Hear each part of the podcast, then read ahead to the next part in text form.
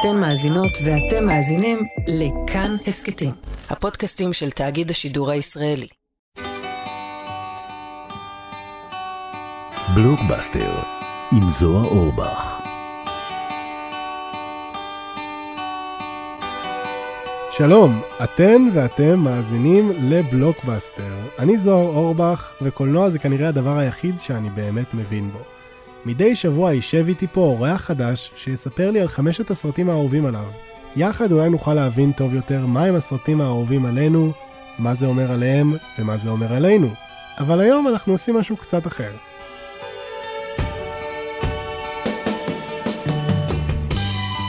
היום בספיישל כאן שכונה לכבוד חג הסוכות, הבמאי משה רוזנטל ואני נדבר על חמשת סרטי השכונה האולטימטיביים בעיניו. סוכות זה בית, ובית זה שכונה. ואין שכונה ישראלית יותר מיוחדת ויותר רגילה ומוכרת מחולון שמשה רוזנטל ביים עבורנו בסרט הביקורים שלו, קריוקי.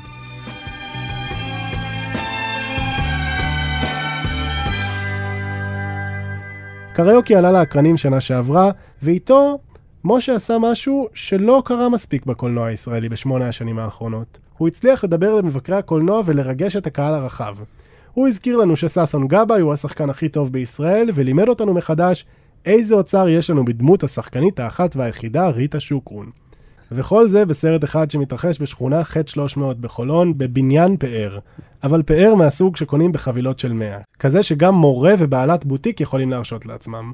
ופתאום נכנס לחייהם שכן.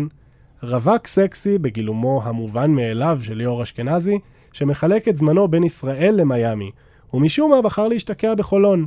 והזוג, מאיר וטובה, מתחילים לפתח כלפיו אובססיה שמבהירה להם כמה טוב יכול להיות להם, וכמה טוב הם פספסו כל השנים האלה. וזה היה אחד הסרטים הכי טובים של 2022, לא רק בקולנוע הישראלי, אלא בכלל. ובסופו הסצנה הכי יפה בקולנוע של אותה השנה. רגע קסום של אהבה בין גבר לאישה, ואירוע קולנועי שבו השחקן הגדול בישראל מפנה את אור הזרקורים לפרח אחד שלא הערכנו כראוי, וגורם לנו לראות אותה בשעה טובה כסופיה לורן של חולון. משה, מה היי. קורה אחי? גרמת לי לבכות. סתם, אבל מספיק אה, צמרמורת. אני נורא נורא שמח שגרמתי לך לצמרמורת, זה ממש ממש מרגש אותי, ובפירוש זאת הייתה הכוונה גם. תשמע, אין הרבה קולנוע חולוני בישראל. אה, יש משהו? אז אני אגיד לך מה, יש בדיוק אחד, הסרט החולוני היחיד, ידעתי שתמצא משהו. זהו, שכן, זה יושב עליי, הסרט החולוני הזה. הסרט החולוני היחיד שאני זוכר שיצא לנו לפני קריוקי הוא נודל, ולמה אני זוכר את זה? בגלל שורה בודדה אחת. אתם חייבים לעזור לי למצוא אותו שם. שם, שם זה סין. כאן מה מה, עם חולון? יש, כן, היא אמרה שם זה סין, כאן זה חולון. אגב, חולונים אמיתיים לא אומרים חולון. לא אומרים חולון. חולונים לא אוהבים את החולון, והם גם לא אוהבים את החובטי, והם כאילו, אתה יודע, הם רוצים לשמור על הפאסון ועל הייחוד שלהם. אתה אי פעם חשבת, כשהיית, כשהיית נער צעיר, שחולם קולנוע, אתה אי פעם חשבת על חולון כעיר ששווה סרט? אה, כל כך לא, שאני חושב שבגלל זה הייתי צריך לעשות איזה סיבוב ולחזור אליה, כי יש איזה משהו ש... נורא גדלתי באווירת אה, איך אני בורח מהר מהעיר הזאת וכמה שיותר רחוק. אה, ויש משהו בתהליך הזה שכשאתה גודל ופתאום אתה מסתכל על המקום שממנו באת, כי אתה מנסה להבין את הקול שלך כיוצר וכקולנוען, אז אתה פתאום מסתכל על זה ואתה בודק את כל הדברים שבזת אליהם במקום הזה ושואל עליהם שאלות. זאת אומרת, מה, מה זה היה, ויותר מזה אתה שואל, מה, מה בי לא יכל להיות שם, או לא רצה להיות שם. אז אני חושב שה... שההתעסקות שלי, קריוקי זה לא היה הסרט היחיד שעשיתי בחולון, אבל ההתעסקות שלי נולדה בעצם מהשאלה הזאת של למה הייתי צריך לברוח. ומה מה היה לי קשה שם, אבל גם מה כל כך יפה שם. מה כל כך יפה שם, שאנחנו, האנשים שמסתובבים בחולון אחת לכמה זמן כי צריך, מפספסים? אמ, אני מניח שמה שיפה שם זה שכשאתה עוזב, כשאתה בורח מה, מהעיר הפרובינציאלית שלך לניו יורק, כן? בהרבה יותר קשה לחלום. ואני חושב שנורא למדתי להתחבר חזרה למקום שבו, שבו חלמתי הכי הרבה. אתה עברת מחולון לתל אביב בעצם, נכון? זה... כן, שזה נשמע, זה נשמע נסיעת אוטובוס קצרה, אבל זה גם uh, פער משמעותי. מהמם. יום הראשון שירדתי מהדירה ששכרתי בפלורנטין בשקל וחצי והלכתי לעבוד כסדרן בקולנוע לב ולבשתי את החולצה של הסדרן וירדתי למטה והלכתי ברחוב ויטל והרגשתי שאני באמת, שאני ברודוויי. כאילו, הרגשת ברודוויי? הרגשתי וואו. שזה גם העניין של עצמאות וזה גם העניין של לתפוס מרחק מהמקום שממנו אתה רוצה לברוח. אה, ושוב, אני מדבר על לברוח ו- וזה, ובסופו של דבר חולון היא עיר מקסימה, כן? היא עיר עם אה, איכות חיים, ואנשים נהדרים. אדוני, אתה מדבר פה על עיר הילדים. ועיר הילדים, למרות שאתה יודע, אני לא, אני לא בטוח מה זה אומר כבר. בוא נדבר רגע על סרטי שכונה. ניסינו, אתה ואני, לפני שבאת לפה, לנסות לזקק את הז'אנר הזה, כי זה לא באמת ז'אנר. הרי אין משהו שמאפיין באמת ברמה העלילתית כמעט בין כל חמשת הסרטים שבחרת. אבל אני חושב שאפשר לנסות להגדיר אותו רגע, בגלל שכשאנחנו אומרים סרטי שכונה, עקרונית אתה חושב על ספייק לי פינת מרטין סקורסזה, רחובות זועמים, טיפה מתקלפים, בהכרח מאוד אורבניים, מספרים על ילדי רחוב שלא למדו לאהוב, הוואי שכונתי, קירות מתקלפים, שכנים מלאי אהבה, אבל הפעם, כשאני ביקשתי ממך, משה, אתה נתת לי שני סרטים שמתרחשים בפרברים, אחד מתרחש בעיירה נידחת ומשונה נורא, ושניים מתרחשים במה שהיא ככל הנראה אולי העיר הכי טובה בעולם. בוא בעצם נצא לדרך, מסע בין חמשת סרטי השכונה של משה רוזנטל, שביים את סרט השכונה האולטימטיבי של השנים האחרונות בישראל.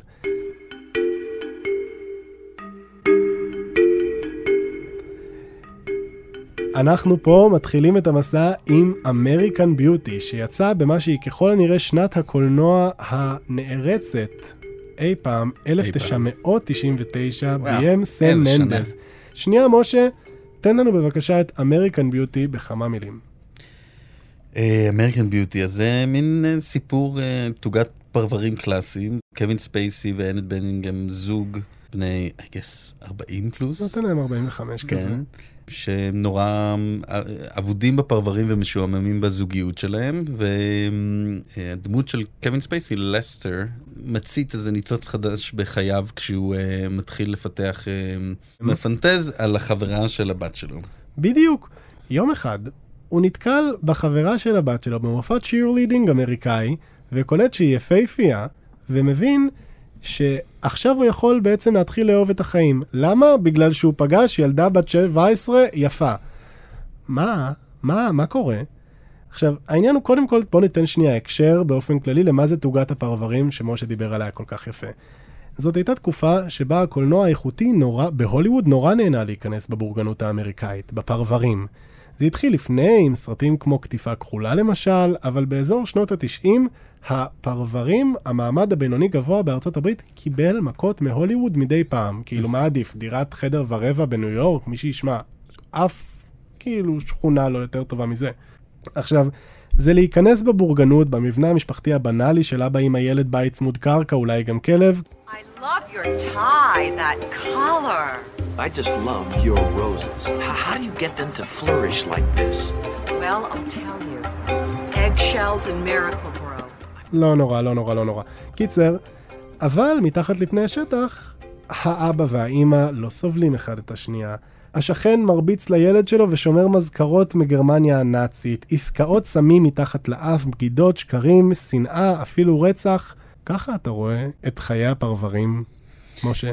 תשמע, קודם כל זה לא פייר לעשות כזאת הקדמה, אה, אתה יודע, שנכנסת בסרט הזה.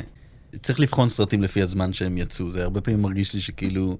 אני זוכר היטב את התחושה שהייתה לי כשראיתי את זה בפעם הראשונה. אגב, שנת 99 הייתי בן 15-16, שנה מאוד מעצבת. אה, אתה יודע, עבור התבגרות של כל אחד, אז לחוות את כל הסרטים האלה בקולנוע שבוע אחרי שבוע היה mind blowing. אז אני, אני שומר אמונים לסרט הזה, ויש משהו, אני חושב, אה, שצריך באמת לזכור, שכאילו מין... היה בלו ולווט, ואני מניח שהיו עוד כמה אה, סרטי תוגת הפרברים כאלה, אבל זה באמת היה the essential, כאילו, כשזה הגיע הייתה את התחושה הזאת של, וואו, כאילו, הוא מייצר שפה וטון נורא נורא מדויקים בשביל להתעסק באוכלוסייה הזאת ובעולם הזה. אה, אתה יודע, וזה לא רק, זה לא רק הנושאים, זה גם הפסקול ששמענו ממנו לרגע. אחר כך במשך שנים כל הפסקולים נשמעו ככה. זה, וגם באיזשהו שלב עורכי טריילרים עצלנים השתמשו במוזיקה הזאת כל הזמן. כן. וגם, תשמע, עם כל הפרובוקטיביות או, או הטעם רע, אה, האובססיה הזאת של, אה, של הדמות שלו בחברה של הבת, אתה יודע, יש בזה גם משהו שמ- שזה מרגיש קצת כמו איזה מין אמת של לא נעים לנו לשמוע, לא היה נעים לשמוע אז, ובעיקר לא נעים לשמוע היום, ש- שאתה יודע, I guess it's true. אני כאילו- אגיד לך מה אני מוצא בזה, ראיתי את הסרט שוב אתמול, והחלקים של הקומדיה השחורה הקינקית הזאת, הם עבדו לי כי הם נורא נורא. מצחיקים. הם נורא מצחיקים. בעיקר בגלל, באמת, אלוהים יסלח לי, בעיקר בגלל קווין ספייסי. כן, כי הוא השחקן נהדר שם. הנהדר הזה, מה נעשה? מה נעשה? בוא נדבר הוא שנייה. נהדר שם ושנייה, ומה שאתה אומר, הטון של הסרט, אני חושב שזו החוזקה הכי חזקה שלו, כי הוא באמת מצליח לעשות, להתעסק ב, בדבר הפרוורטי הזה, ואיכשהו לגרום לך להיסחף וכאילו לצחוק ולדעת שלא צריך לקחת את זה יותר מדי ברצינות. מצד שני, הוא מתעקש שניקח אותו ברצינות, כי זה באותה מידה סרט על אנשים שמנסים ללמוד מחדש איך הם יכולים לאהוב את העולם שהם חיים בו. עכשיו, עקרונית, זה premise, זאת נקודת מוצא שאני מאוד אוהב. אני גם מאוד אוהב את העולם, ואני רוצה לראות יותר סרטים אופטימיים. את האופטימיות הזאת אני לא קונה מ American Beauty, כי כש American Beauty נותן לי את זה, זה נורא נורא מביך. יש סצנה שאף אחד, אין אחד שראה את הסרט הזה ולא זוכר. יש כאלה שזוכרים אותה בתור אחד הרגעים הכי מביכים בתולדות הוליווד האיכותית, יש כאלה שמתרגשים ממנה עד דמעות. Sometimes there's so much beauty in the world. I feel like I can't take it.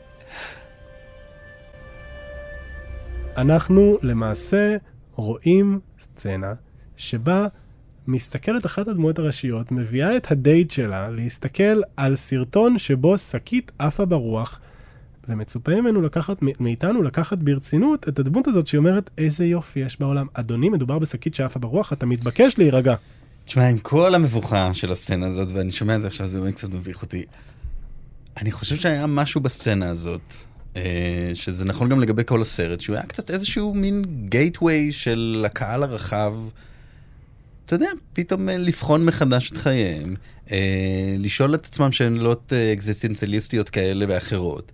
ואני חושב שזה היה משמעותי, אתה יודע, זה לא סצנה באיזה מין סרט ארטהאוס שאתה יכול, זה, זה סרט, זה סצנה בסרט מאוד אמריקאי. אז זה בשמו, אז- יש יופי אז באמריקה. אז הדבר הפיוטי הזה שהוא מגיע שם, והוא הצליח, אתה יודע, באמת, אה, באמת, שוב, אני, אני חוזר לילד שהייתי בן 15 שישב וראה את הסצנה הזאת, והרגיש האינטלקטואל הכי חכם ומתוחכם בכל... בא לי לתת לילד האינטלקטואל הזה נשיקה במצח. עכשיו, רק חשוב לעשות קיצור תולדות לאנשים שאולי לא יודעים מה בדיוק קורה, לא מה קורה באמריקן ביוטי, מה קרה לאמריקן ביוטי. כש American Beauty יצא, זה, קודם כל זאת תזכורת לאיך סרט יכול להשתנות עבורנו במבחן הזמן לנגד עינינו, כי כשהוא יצא, הוא נחשב לאחד הסרטים הכי טובים בעולם, והוא תחזק את המוניטין הזה בערך לאיזה עשור. אני ראיתי אותו משהו כמו שבע שנים אחרי שהוא יצא, אני הייתי בן 12, ואמרו לי, שומע, שומע ילד, זה, זאת masterpiece מודרנית.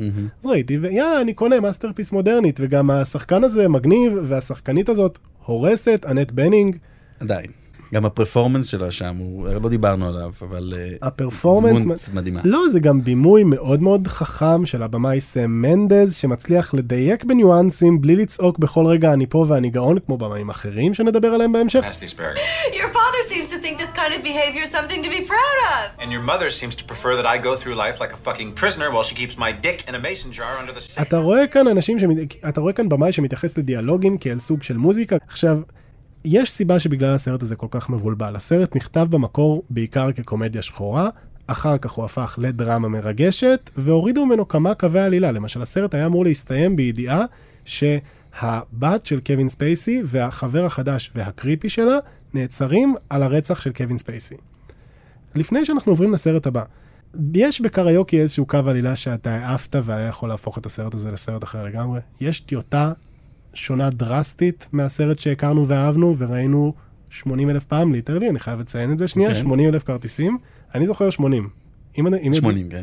80 אלף כרטיסים, אתם שמעתם את זה כאן.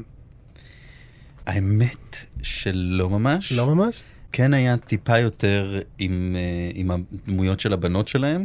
אתה נוסף הבאת לנו את. עלמה דישי, אחי. בדיוק. הבאת לנו שחקנית ל- מפוארת. היה לאלמה המתוקה והמדהימה סצנה מהממת, אבל אה, לפעמים אתה יודע, לפעמים אתה כשסרט מגיע למערכה השלישית ויש איזו תחושה מסוימת שכבר צריך לתת ספרינט לסוף, אז דברים לפעמים נופלים שם.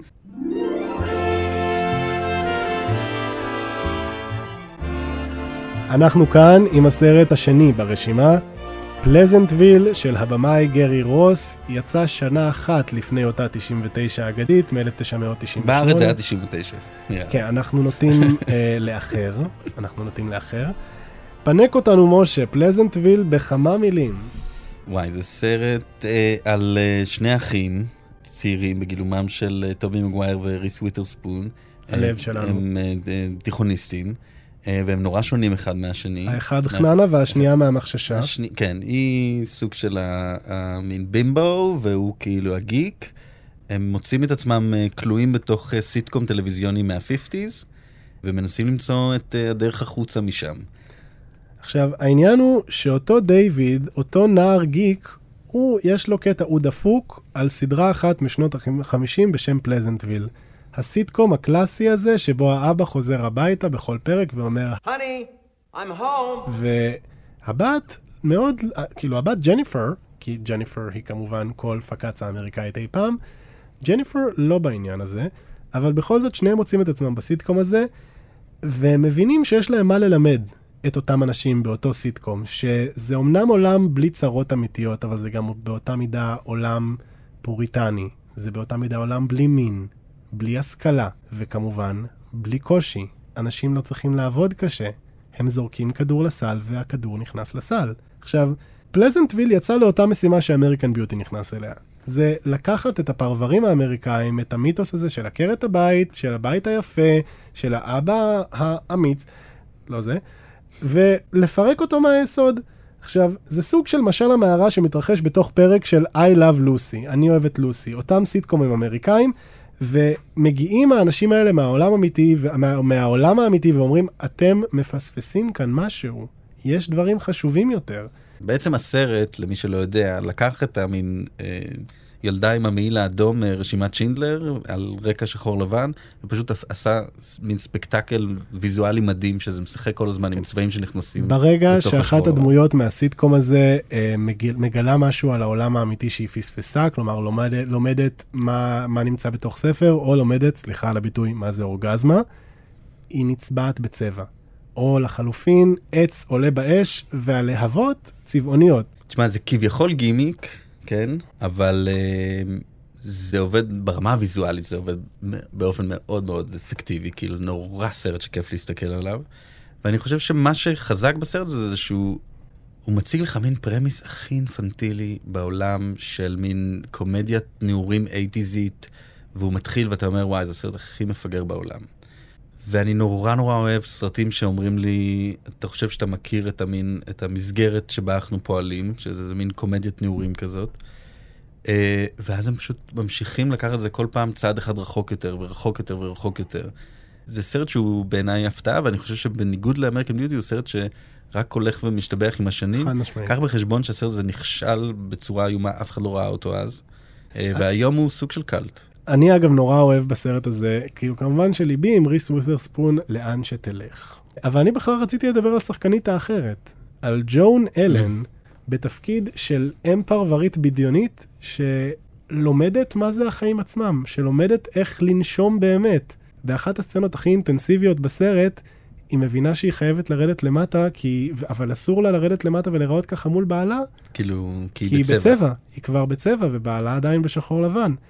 ומה שנורא נורא יפה זה שזאת סצנה מהממת שבה טובי מגווייר, שיהיה בריא, מאפר אותה חזרה בצבע אפור, והסרט חוזר לסצנה הזאת כשטובי נפגש באימא האמיתית שלו, בעולם האמיתי.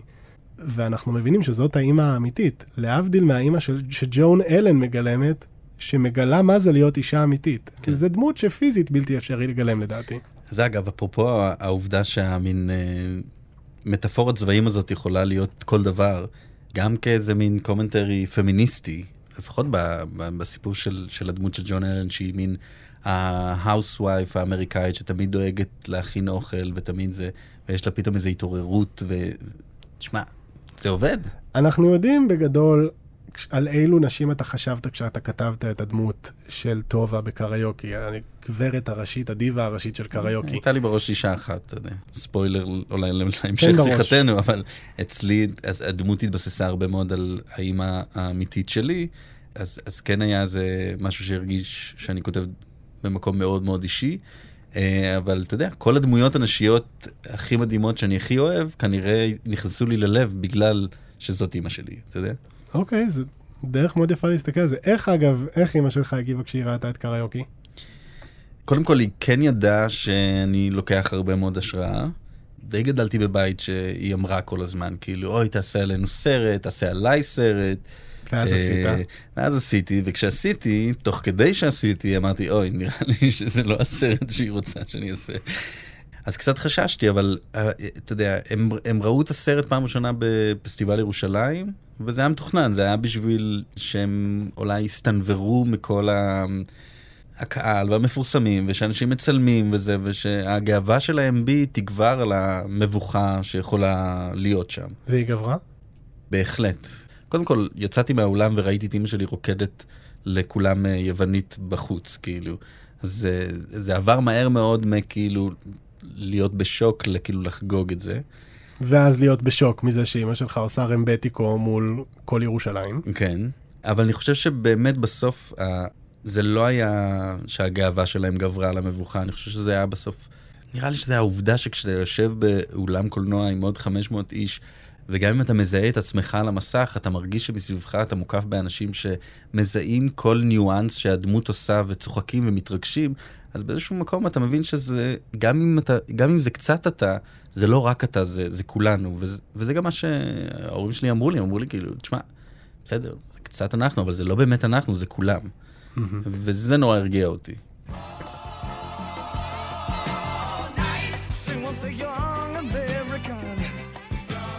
אנחנו כאן עם הסרט השלישי ברשימה, דוגוויל, שביים הבמאי הטרול הגדול לארס פון טריר בשנת 2003, קפצנו חמש שנים קדימה.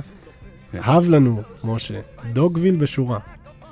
סיפור קלאסי של הזר מגיע לעיירה, ניקול קידמן אה, בורחת, אני לא זוכר אפילו אם יודעים ממי, היא בורחת מהמאפיה, ומוצאת את עצמה במין אה, עיר קטנה בארצות הברית, והאנשים הקטנים והפשוטים של העיר מסכימים לקחת אותה ו- ובעצם להסתיר אותה, וזה על המערכת היחסים המורכבת שנוצרת בין הזרה לאנשים הקטנים של העיירה. הזרה, ניקול קידמן, גרייס, זוכה למקלט ובעצה אחת עם בחור אידיאליסט ומתוק, שלכאורה, בחור אידיאליסט ומתוק לכאורה, שמוכן לעזור לה, היא מחליטה להציע להם לעשות עבורם עבודות קטנות תמורת שכר זעום, ו... ובכך הם לפחות ייתנו לה מקלט. אבל, מהר מאוד, גרייס היקרה פשוט הופכת לקורבן השימושי שלהם, וזוהי רק ההתחלה. עכשיו, תכלס, אני חושב שלפני שמדברים על דוגוויל העיר, צריך לדבר על אה, האדריכל של דוגוויל, על הבמאי, לארס פון טריר.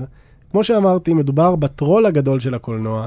האיש הזה כבר משהו כמו 30 שנה פיזית לא מסוגל לעשות סרט בלי שיהיה איזשהו גימיק שאופף אותו. סרט אחד הוא סרט שצולם על ידי תוכנת מחשב שאמרה למצלמה מה לעשות. סרט אחר הוא המחזמר המדכא ביותר אי פעם. והפעם בדוגוויל, הגימיק הבסיסי ביותר הוא שדוגוויל לא קיימת. אין תפאורה בסרט הזה כמעט בכלל. הבתים לא בנויים, יש סימונים על הרצפה כמו בתוכנית אדריכלית אמיתית, כתוב שם הבית של תום, הבית של זיבי, הבית של זבי. אפילו כשיש כלב, הכלב לא באמת קיים. יש שרטוט של כלב שנובח. כשהדמויות רוצות לדפוק בדלת, הן, השחקן ידפוק באוויר ואנחנו נשמע אבל למה זה? כן יש לזה הצדקה כלשהי, וזה בגלל שדוגוויל, אנחנו כנראה יכולים לומר את זה ב-1, 2, 3, היא מיקרו-קוסמוס של החברה האנושית. אנחנו לא אמורים לדעת איך היא נראית, בגלל שכולנו יכולים להשליך את מה שאנחנו רוצים. כן, זה הסיבה, אני... תשמע, בוא, אני לא קראתי את זה באיזה ספר לימוד, אבל בגדול, לארס פון טרר עשה הכל כדי שאנחנו... בגדול, אין כאן עידון בסרט הזה, בין השאר בגלל שיש לנו כאן קריין שאומר לנו כל מה שאנחנו צריכים להבין. כלומר, הניתוח קיים בתוך הסרט, זה די בלתי נסבל, אבל הבעיה האמיתית בכמה שהסרט הזה מעצבן, זה שהוא באותה מידה יצירת מופת. כי יש לו תסריט מבריק שבונה את המסע של הדמויות בדיוק כירורגי, ובזכות הבימוי המאוד ספציפי של ארס פונטרר, מצלמה נורא ניידת, צילום כמעט תיעודי, השחקנים, כל הקאסט השחקנים מגיע להופעה די עוצרת נשימה, ובראשם ניקול קידמן בתפקיד שהיה יכול להיות קורבן תמים, אבל למעשה היא ברבורה אצילית כל הדרך, גם כשהיא הופכת לשפחה של העיירה הזאת. משה, איפה אתה עומד בנושא הזה? תשמע, אני חייב להגיד משהו על, ה, על השימוש שלך במושג גימיק. גימיק, אוטומטית אני, אני מניח ש, שאתה מבקר אותו ב, כשאתה משתמש במושג הזה, ואני חושב שיש גימיקים שקל מאוד לקרוא להם גימיקים, כי הם לא כל כך עובדים, ואז כל מה שהם זה גימיק. ובמקרה, גם של פלזנטוויל וגם פה, זו דוגמה נהדרת לגימיק שממש עובד, אתה יודע, וזה כל כך מפתיע שהוא עובד. כאילו, אפשר to intellectualize it שעות, אבל יש משהו, אתה יודע, קודם כל העובדה שהסרט עובד ברמה הרגשית והדרמטית זה, זה הישג בגלל שכאילו, באמת, הם דופקים באוויר ואתה שומע טוק טוק טוק, כאילו זה הכי מפגר, וזה עובד ואתה בפנים ואתה שוכח מזה, ו- וזה, קודם כל בוא נשים את זה בצד רק בשביל כאילו לתת, אה, אה, אה, לתת ללארס פונטרר את הכבוד הזה שהוא עשה את הדבר הזה וזה עבד.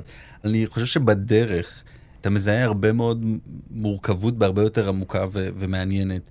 הדרך שבה, אתה יודע, בדיוק כמו הדרך שבה הוא מציג את האנשים הטובים ו- ומתחת יש רוע, אז גם, אתה יודע, יש את הצד השני, שכשמגיע האבא המאפיונר שלה, ויש להם את הדיאלוג היפה הזה באוטו, ואתה פתאום אומר, אה, איזה יחסים... איזה אבא מקסים. I want to make this world a little better. If there's any town this world will be better without, this is it. זה העניין, שזה בסופו של דבר, אנחנו הרי מדברים פה על סרטי שכונה, כפרה עליך, אתה נתת, אתה נתת לנו כאן רצף של שכונות שאף אחד לא אמור לרצות לגור בהן, ספציפית דוגוויל, היא ככל הנראה העיירה הנוראית בתולדות הקולנוע, במובן כמעט אובייקטיבי, כן? והפואנטה של הסרט היא, היא שגרייס זה סוג של הריפיתוח של קלולס ושל אמלי בעצם, כן? של נשים שרוצות להפוך, לשפר את העולם, אבל ספציפית גרייס לא עושה את זה ב makeover לבחורות uh, מגושמות, ולא עושה את זה במעשי קסם ברחבי פריז. גרייס מצווה על טבח המוני בנשים וטף, וגם פשוט מוחקת עיירה שלמה מעל פני האדמה. אבל תשמע, חייבים לקחת את הסרטים שלו, וספציפית הסרט הזה, אז כאילו איזה מין cautionary tale כזה, זה לא, כאילו, אתה יודע, אתה רוצה שהוא ילך איתך עד הסוף, אתה רוצה, בסוף הסרט אתה רוצה לראות אותה כאילו שוחטת שם את כולם, ואתה שמח שזה קורה. אבל אני חושב שחלק מהעניין זה באמת החוויה שאתה עובר עם, ה, עם הבחינה הזאת של הרוע, ואיפה הרוע מסתתר, ואתה יודע, ו, ובסוף יש משהו בפתטיות של כל הדמויות. אבל יש כל כך הרבה דברים שאתה, שאתה מזהה בך ובאחרים, ואתה יודע, ויש שם, סתם, אני חושב שאפילו, אולי במיוחד היום, שאנחנו כל כך, כל כך, אה, אתה יודע, מניפים דגלים כל הזמן, אה, ומציגים את עצמנו כאילו בצד הנכון של ההיסטוריה כל הזמן, ונורא דואגים, אה, אתה יודע, להגיד את הדברים הנכונים, ו- והסרט הזה מראה איך כאילו, עם כל הכוונות הטובות, תמיד מתחת יש... מידה מסוימת של אינטרסנטיות שקש... דוחה. דוחה, אז, אז בוא נגיד ככה, האמת כנראה נמצאת איפשהו באמצע, אבל, אבל הדואליות הזאת תמיד קיימת, ואני חושב שהסרט הזה מראה את זה בצורה מאוד, uh, בעיקר כזאת שנשארה איתי מאז. אני שם, אגב, היא נשארה איתך לקריוקי? אתה רואה את דוגוויל בקריוקי? Uh, אני כן, תשמע, יש, אני חושב שדוגוויל ואולי המספריים של אדוארד, זה כזה סרטים שבהם... יש לך את הזר שמגיע לכפר, אה, ויש איזה מין מהלך דומה שבהתחלה כאילו משתלב נהדר וכולם מעריצים אותו על, על זרותו ועל, אה, ועל השונות שלו, ובאיזשהו שלב אה, הם מנצלים אותו, או שהוא לא מצליח לספק את הצרכים שלהם, או שכל מה שהם רואים בו ומשליכים עליו, הם מבינים שהוא לא באמת יכול, אתה יודע, לתת להם. ואני חושב שבמובנים מסוימים זה גם מהלך שקורה בקריוקי, הוא פשוט, אנחנו מתבוננים בו בצורה הפוכה. אנחנו חווים את החוויה מתוך הכפר ולא מתוך הזר. המספריים של מרציאנו. המספריים לגמרי. אנחנו, כשאנחנו רואים את דוגוויל, אנחנו רואים, אוקיי, אנחנו כאן בסרט של לארס פון טריר. זה במה עם אופי, את זה אף פעם לא ניקח ממנו. כמו שאתה אחרי feature אחד. כלומר, אתה כבר במאי שעשה דבר או שניים בחייו, אבל אתה אחרי פיצ'ר, פיצ'ר אחד בסך הכל. אתה כבר יודע איזה במאי אתה רוצה להיות. אני יודע שאני רוצה אה, להיות במאי שנמצא באבולוציה, אז כאילו אין איזה מין משהו ספציפי, איזה קופסה שאני מבין אומר, אה, אני אהיה זה שעושה סרטים כאלה. אבל, אה, אבל אתה יודע, אני כן יודע מה התמות, שכשאני מגיע לאזורים האלה זה נורא מפעיל אותי, אז אני כבר יודע שכדאי ללכת לאזורים מסוימים. אני יודע איזה פסגות הייתי רוצה לכבוש. אילו? אתה יודע, כל מיני דברים, אני נורא רוצה לעשות אה, אימה, אני נורא רוצה לעשות מיוזיקל, יש כאילו כל אימה מיני... נדבר עוד שנייה. יש כל מיני ז'אנרים ש... ש... ואתה יודע, יש איזה משהו, אני חושב, ב- ב- ב- בחיפוש הזה אחר הקול שלך, שזה דרך נורא מעניינת שעושים, שהרבה פעמים אתה מגלה ש...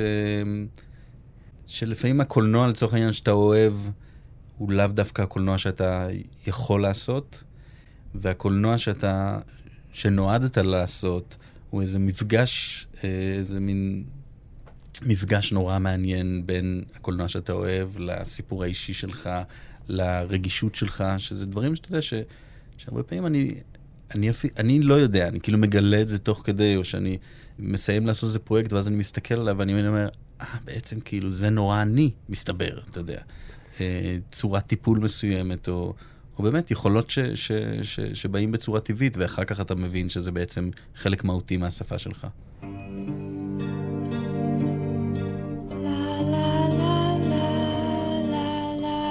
אנחנו כאן, חזרנו אחורה בזמן עם תינוקה של רוזמרי, של רומן פולנסקי מ-1969. אוי לא, עוד אה, במאי מבוטל. כן, תשמע, אחי, אתה נתת לנו. לא שמתי לב, יש לנו את קווין ספייסי, יש לנו את קווין לארס פון ספייסי, רר, ועכשיו את אה, פולנסקי. יואו, אני מצטער. תן לנו את תינוקה של רוזמרי על קצה המזלג.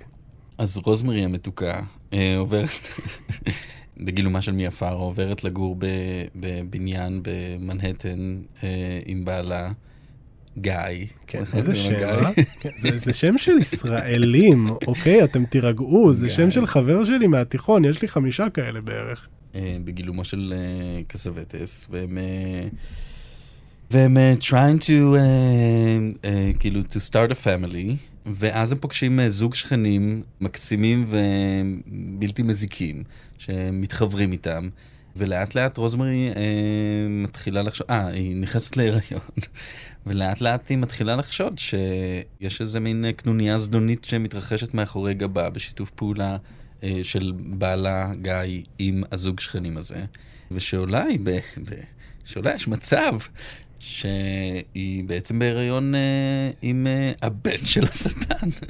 אני שמע, יש לי חברה שפעם זה קרה לה האמת. היא כן, כאילו, זה, זה קורה הרבה. הפיפי היה על המקל. יש מצב שזה בעצם אבוללה?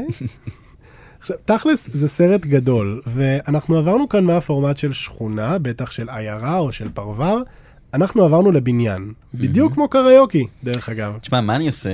קריוקי זה ב... שהוא בבניין, ופשוט רוב, ברוב העולם אין את הדבר הזה, רק בישראל יש לנו את הפרברים עם הבניינים.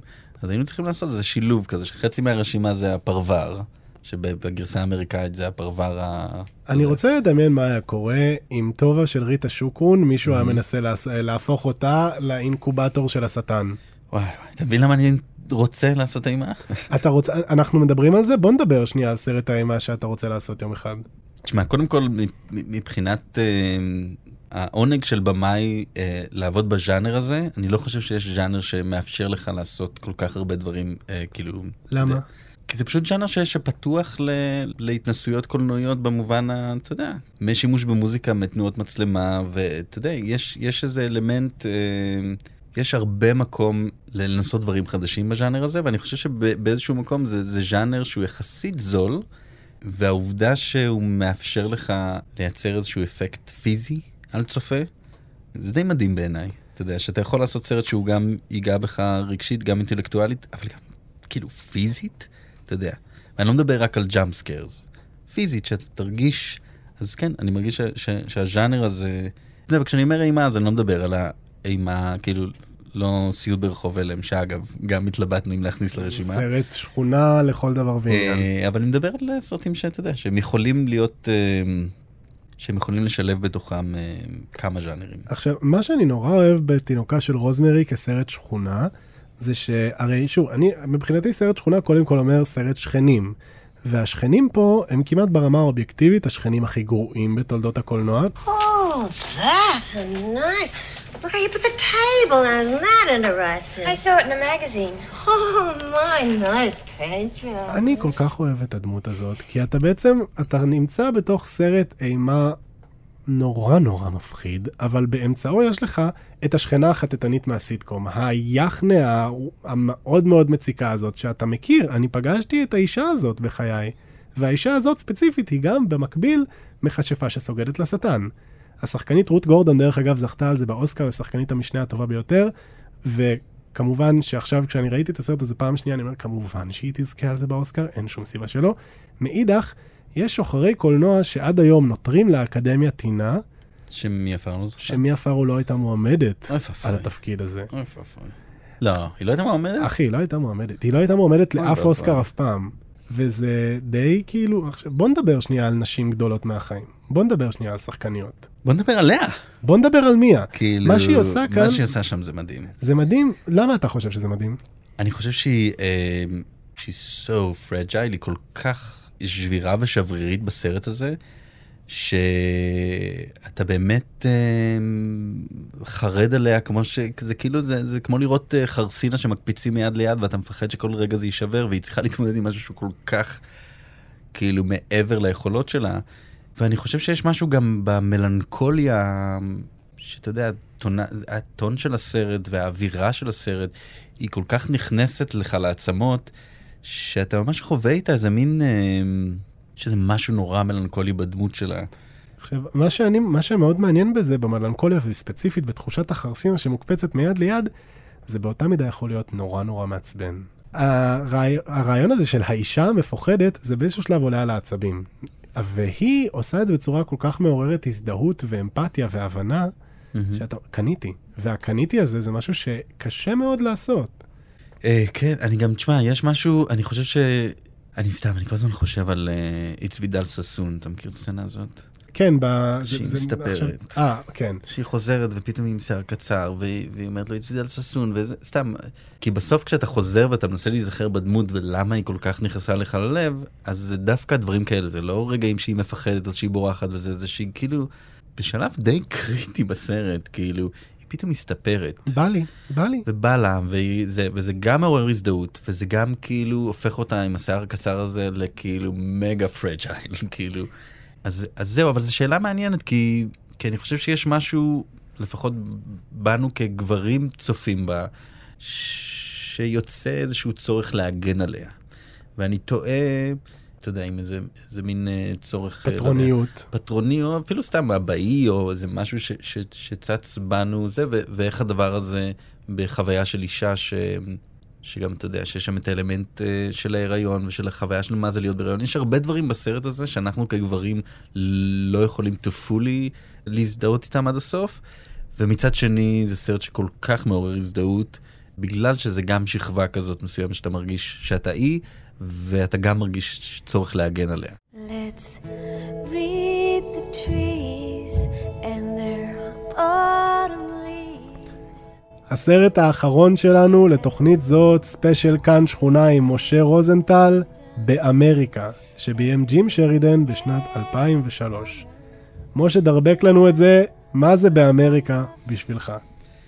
אה, באמריקה זה סרט על אה, משפחה אירית שמאבדת אה, ילד והם אה, עוברים כולם בצורה לא חוקית, הם בעצם מהגרים לניו יורק בשנות ה-80.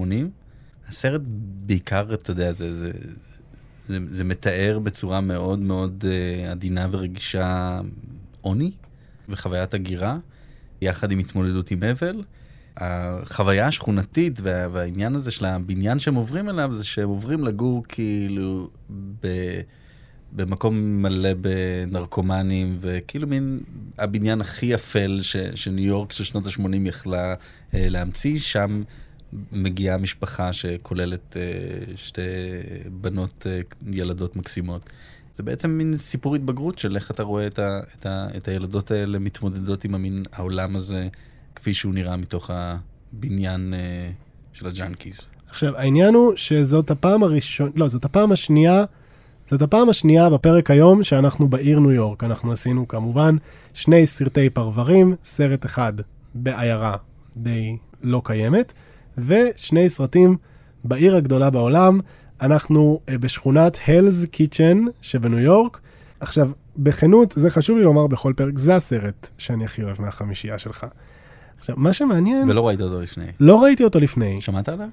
נו בוא, אה, בחייאת. זה סרט שהיה מועמד לשלושה אוסקרים, אני עומד לשמוע עליו. אוקיי. אבל העניין הוא, גם תמיד הייתה לי תחושה שהסרט הזה יהיה לי בלב איפשהו, תמיד הבנתי שזה סרט של לב, ואני מעדיף לראות קולנוע עם הלב. אני גם נהנה לראות אותו עם המוח, נהנה לראות אותו עם העיניים. יש עוד איברים שאפשר לראות איתם קולנוע, אבל אני מעדיף לראות סרטים עם הלב. וזה סרט שבניגוד לפלזנטוויל, או דוגוויל, או תינוקה של, כאן העשייה הקולנועית מאוד מאוד פשוטה, היא אפילו כמעט טלוויזיונית. היא אמיתית, והיא מלאה מלאה מלאה באהבת אדם. והשכונה הזאת, זאת השכונה הטובה היחידה בסרט, ב- ברשימה שלך. נכון. כאילו, נכון. כל שאר השכונה, עכשיו יש לציין, השכונה הזאת היא לא שכונה שהייתי שולח את uh, אחותי לגור בה, מצד אחד. מצד שני, זאת שכונה עם שכנים שנעים בעיניי. הם דואגים לשכנים שלהם. גם ההומלס שבאיזשהו שלב שודד את אב המשפחה, הוא לא עושה את זה מרוע הוא ואפילו גם לא... ב- מתנצל. הוא מתנצל. קודם כל, הוא שם סכין לנגד הצוואר של האב המתוק, ואז הוא, וואי, תשמע, מה זה סליחה? שזה לא באמת עובד, כן? ההתנ... אני לא, לא הייתי מקבל את ההתנצלות במקומו, וגם לא הייתי נותן לו דולר אחר כך, אבל יש בזה המון אהבה. אני חושב שזה באמת קשור לזה שזה בגלל שזה בניין של אה, נרקומנים ושל זונות וזה, אז, אז, אז obviously המהלך המעניין הוא לראות איך דווקא יש הרבה מאוד חסד במקום הזה. כשהדוגמאות האחרות זה ממש כאילו שכונות של כאילו, או כאילו פרברים אמריקאים מושלמים, או בניין כזה של עשירים, אז אתה יודע, זה, זה נורא מתבקש שאם אתה מציג אה, את המקום הכי גרוע לגור בו, אז דווקא שם אתה תמצא קצת חסד. עכשיו, זה סרט על משפחה אוהבת, ובהקשר הזה ראוי לציין שזה סרט לפחות קצת אוטוביוגרפי, שהבמאי ג'ים שרידן, שהוא אמנם לא איזה ספילברג, אבל הוא הגיע לסרט הזה אחרי כמה מועמדויות לאוסקר, אחרי כמה סרטים שתפסו, כמו כף רגלי השמאלית ובשם האב. כאן הוא מספר את הסיפור שלו ושל המשפחה שלו, שהוא בעצמו עבר איתם מאירלנד לניו יורק במטרה להיות שחקן מצליח, ואצלו זה לפחות קצת עבד, תמיד כשאני רואה את הסרטים האלה. כשאתה, כשאתה לא באמת יודע מה יקרה איתם בסוף, אני קצת כזה, וואי, הלוואי שבסוף הוא יזכה באיזה אוסקר, השחקן המסכן הזה שעבר לניו יורק במטרה להצליח, הלוואי שזה יעבוד לו.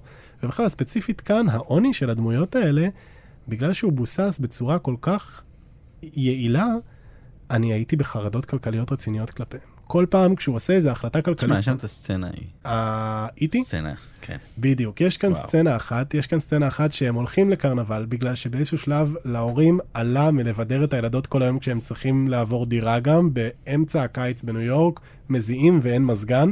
אגב, העובדה שאין להם מזגן, חירפנה אותי. כן. עכשיו, אוגוסט, אתה צריך להשיג מזגן. ובאיזשהו שלב, הוא לוקח את הבנות לקרנבל, הוא לוקח אותן קודם לסרט, איטי, ואז הוא לוקח אותן לקרנבל. ובקרנבל מציעים בובה של איטי, ויש איזשהו משחק שהוא בעצם סוג של הימור. אם אתה קולע שבעה כדורי טניס לתוך החור, אתה יכול לשלם את מה ששמת, ואם אתה מפספס, אתה צריך להחזיר, ל- לשים אה, פי שתיים. ואתה, ואם אתה ואם מצ- אתה מצליח, אתה מקבל בובה של איטי. מקבל ואת הכסף חזרה. בדיוק. והוא מפספס, ומפספס, ומפספס, עד שהוא כמעט מאבד את כל החסכונות שלהם. כל הם מוציאים, זה איזה 300 דולר, שבמונחים של, של הדמויות הבאמת שאין להם שקל לאכול, הוא מניח את ה-300 דולר האלה, ואתה כאילו, זה באמת אחד, אחת הסצנות הכי אה, מורטות עצבים שאי פעם ראיתי. אני רציתי למות, משה.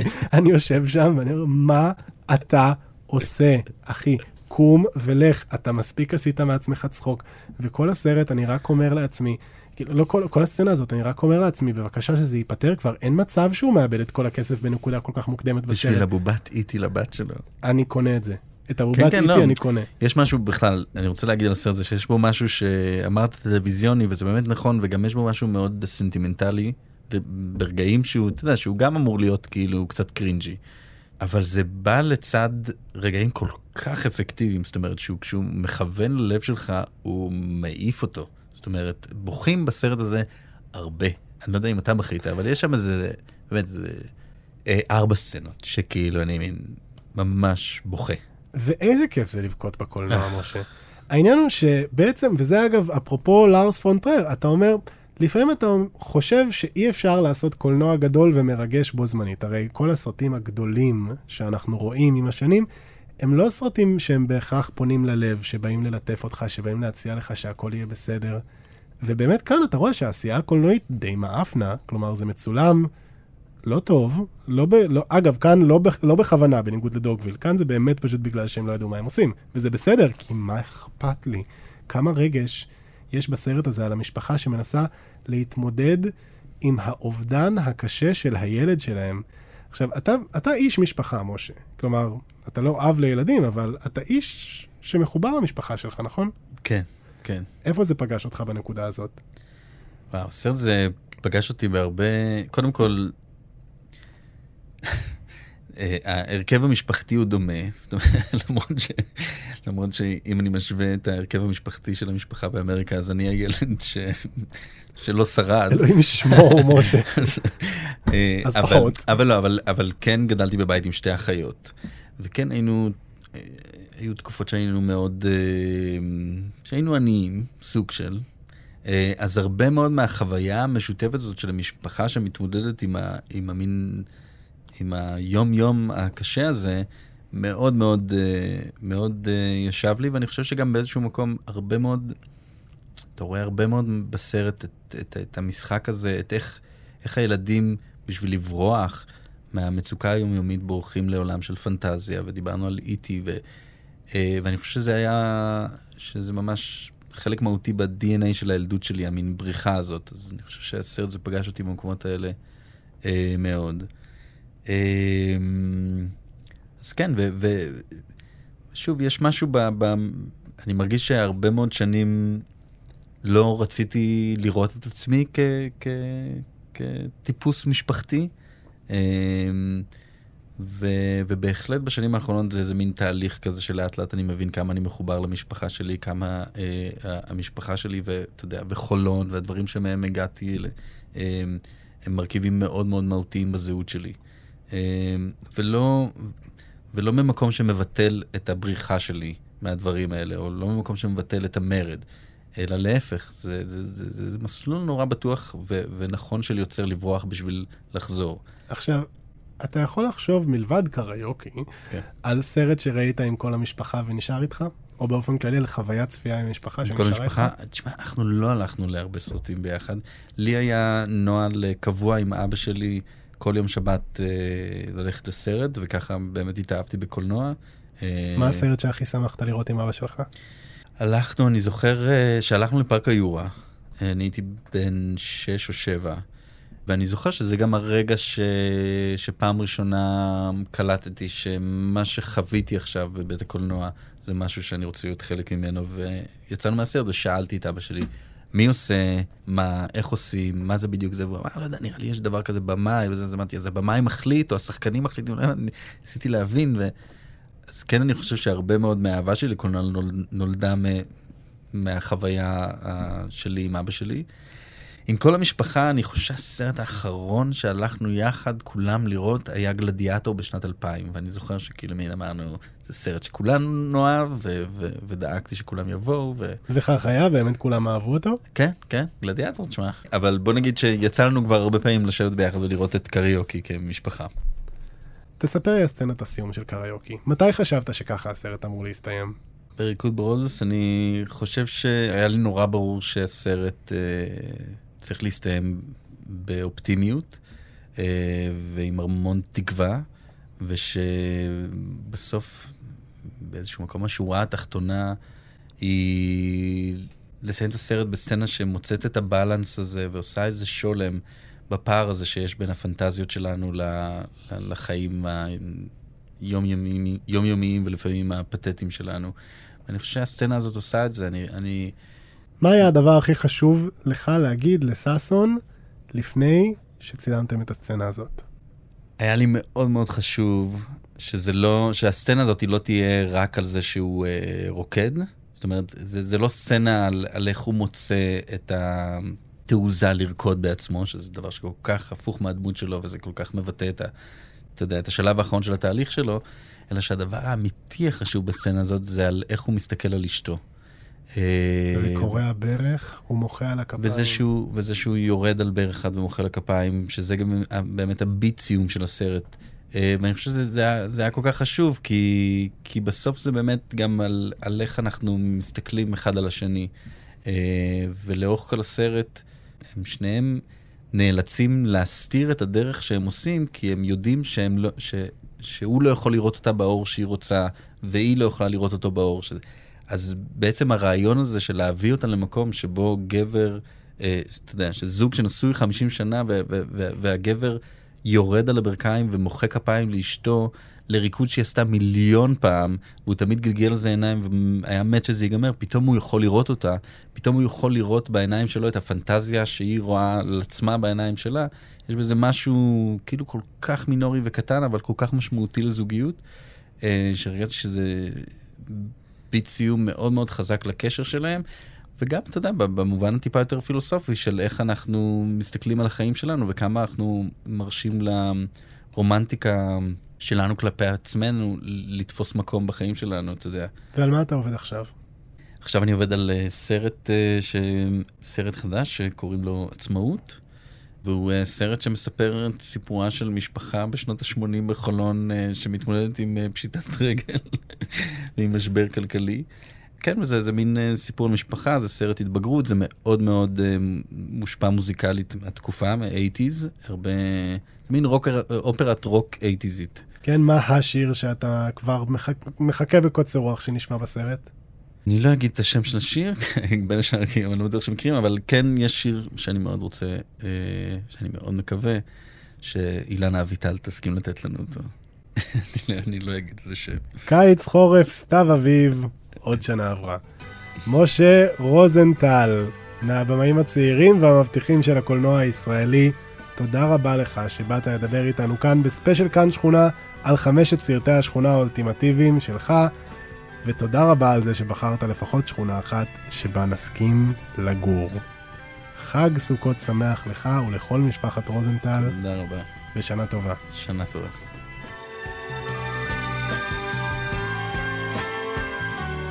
אתם האזנתם לבלוקבאסטר. אני זוהר אורבך, ערכה אותנו דניאל מאורר הנהדרת. תודה רבה לכם שהאזנתם.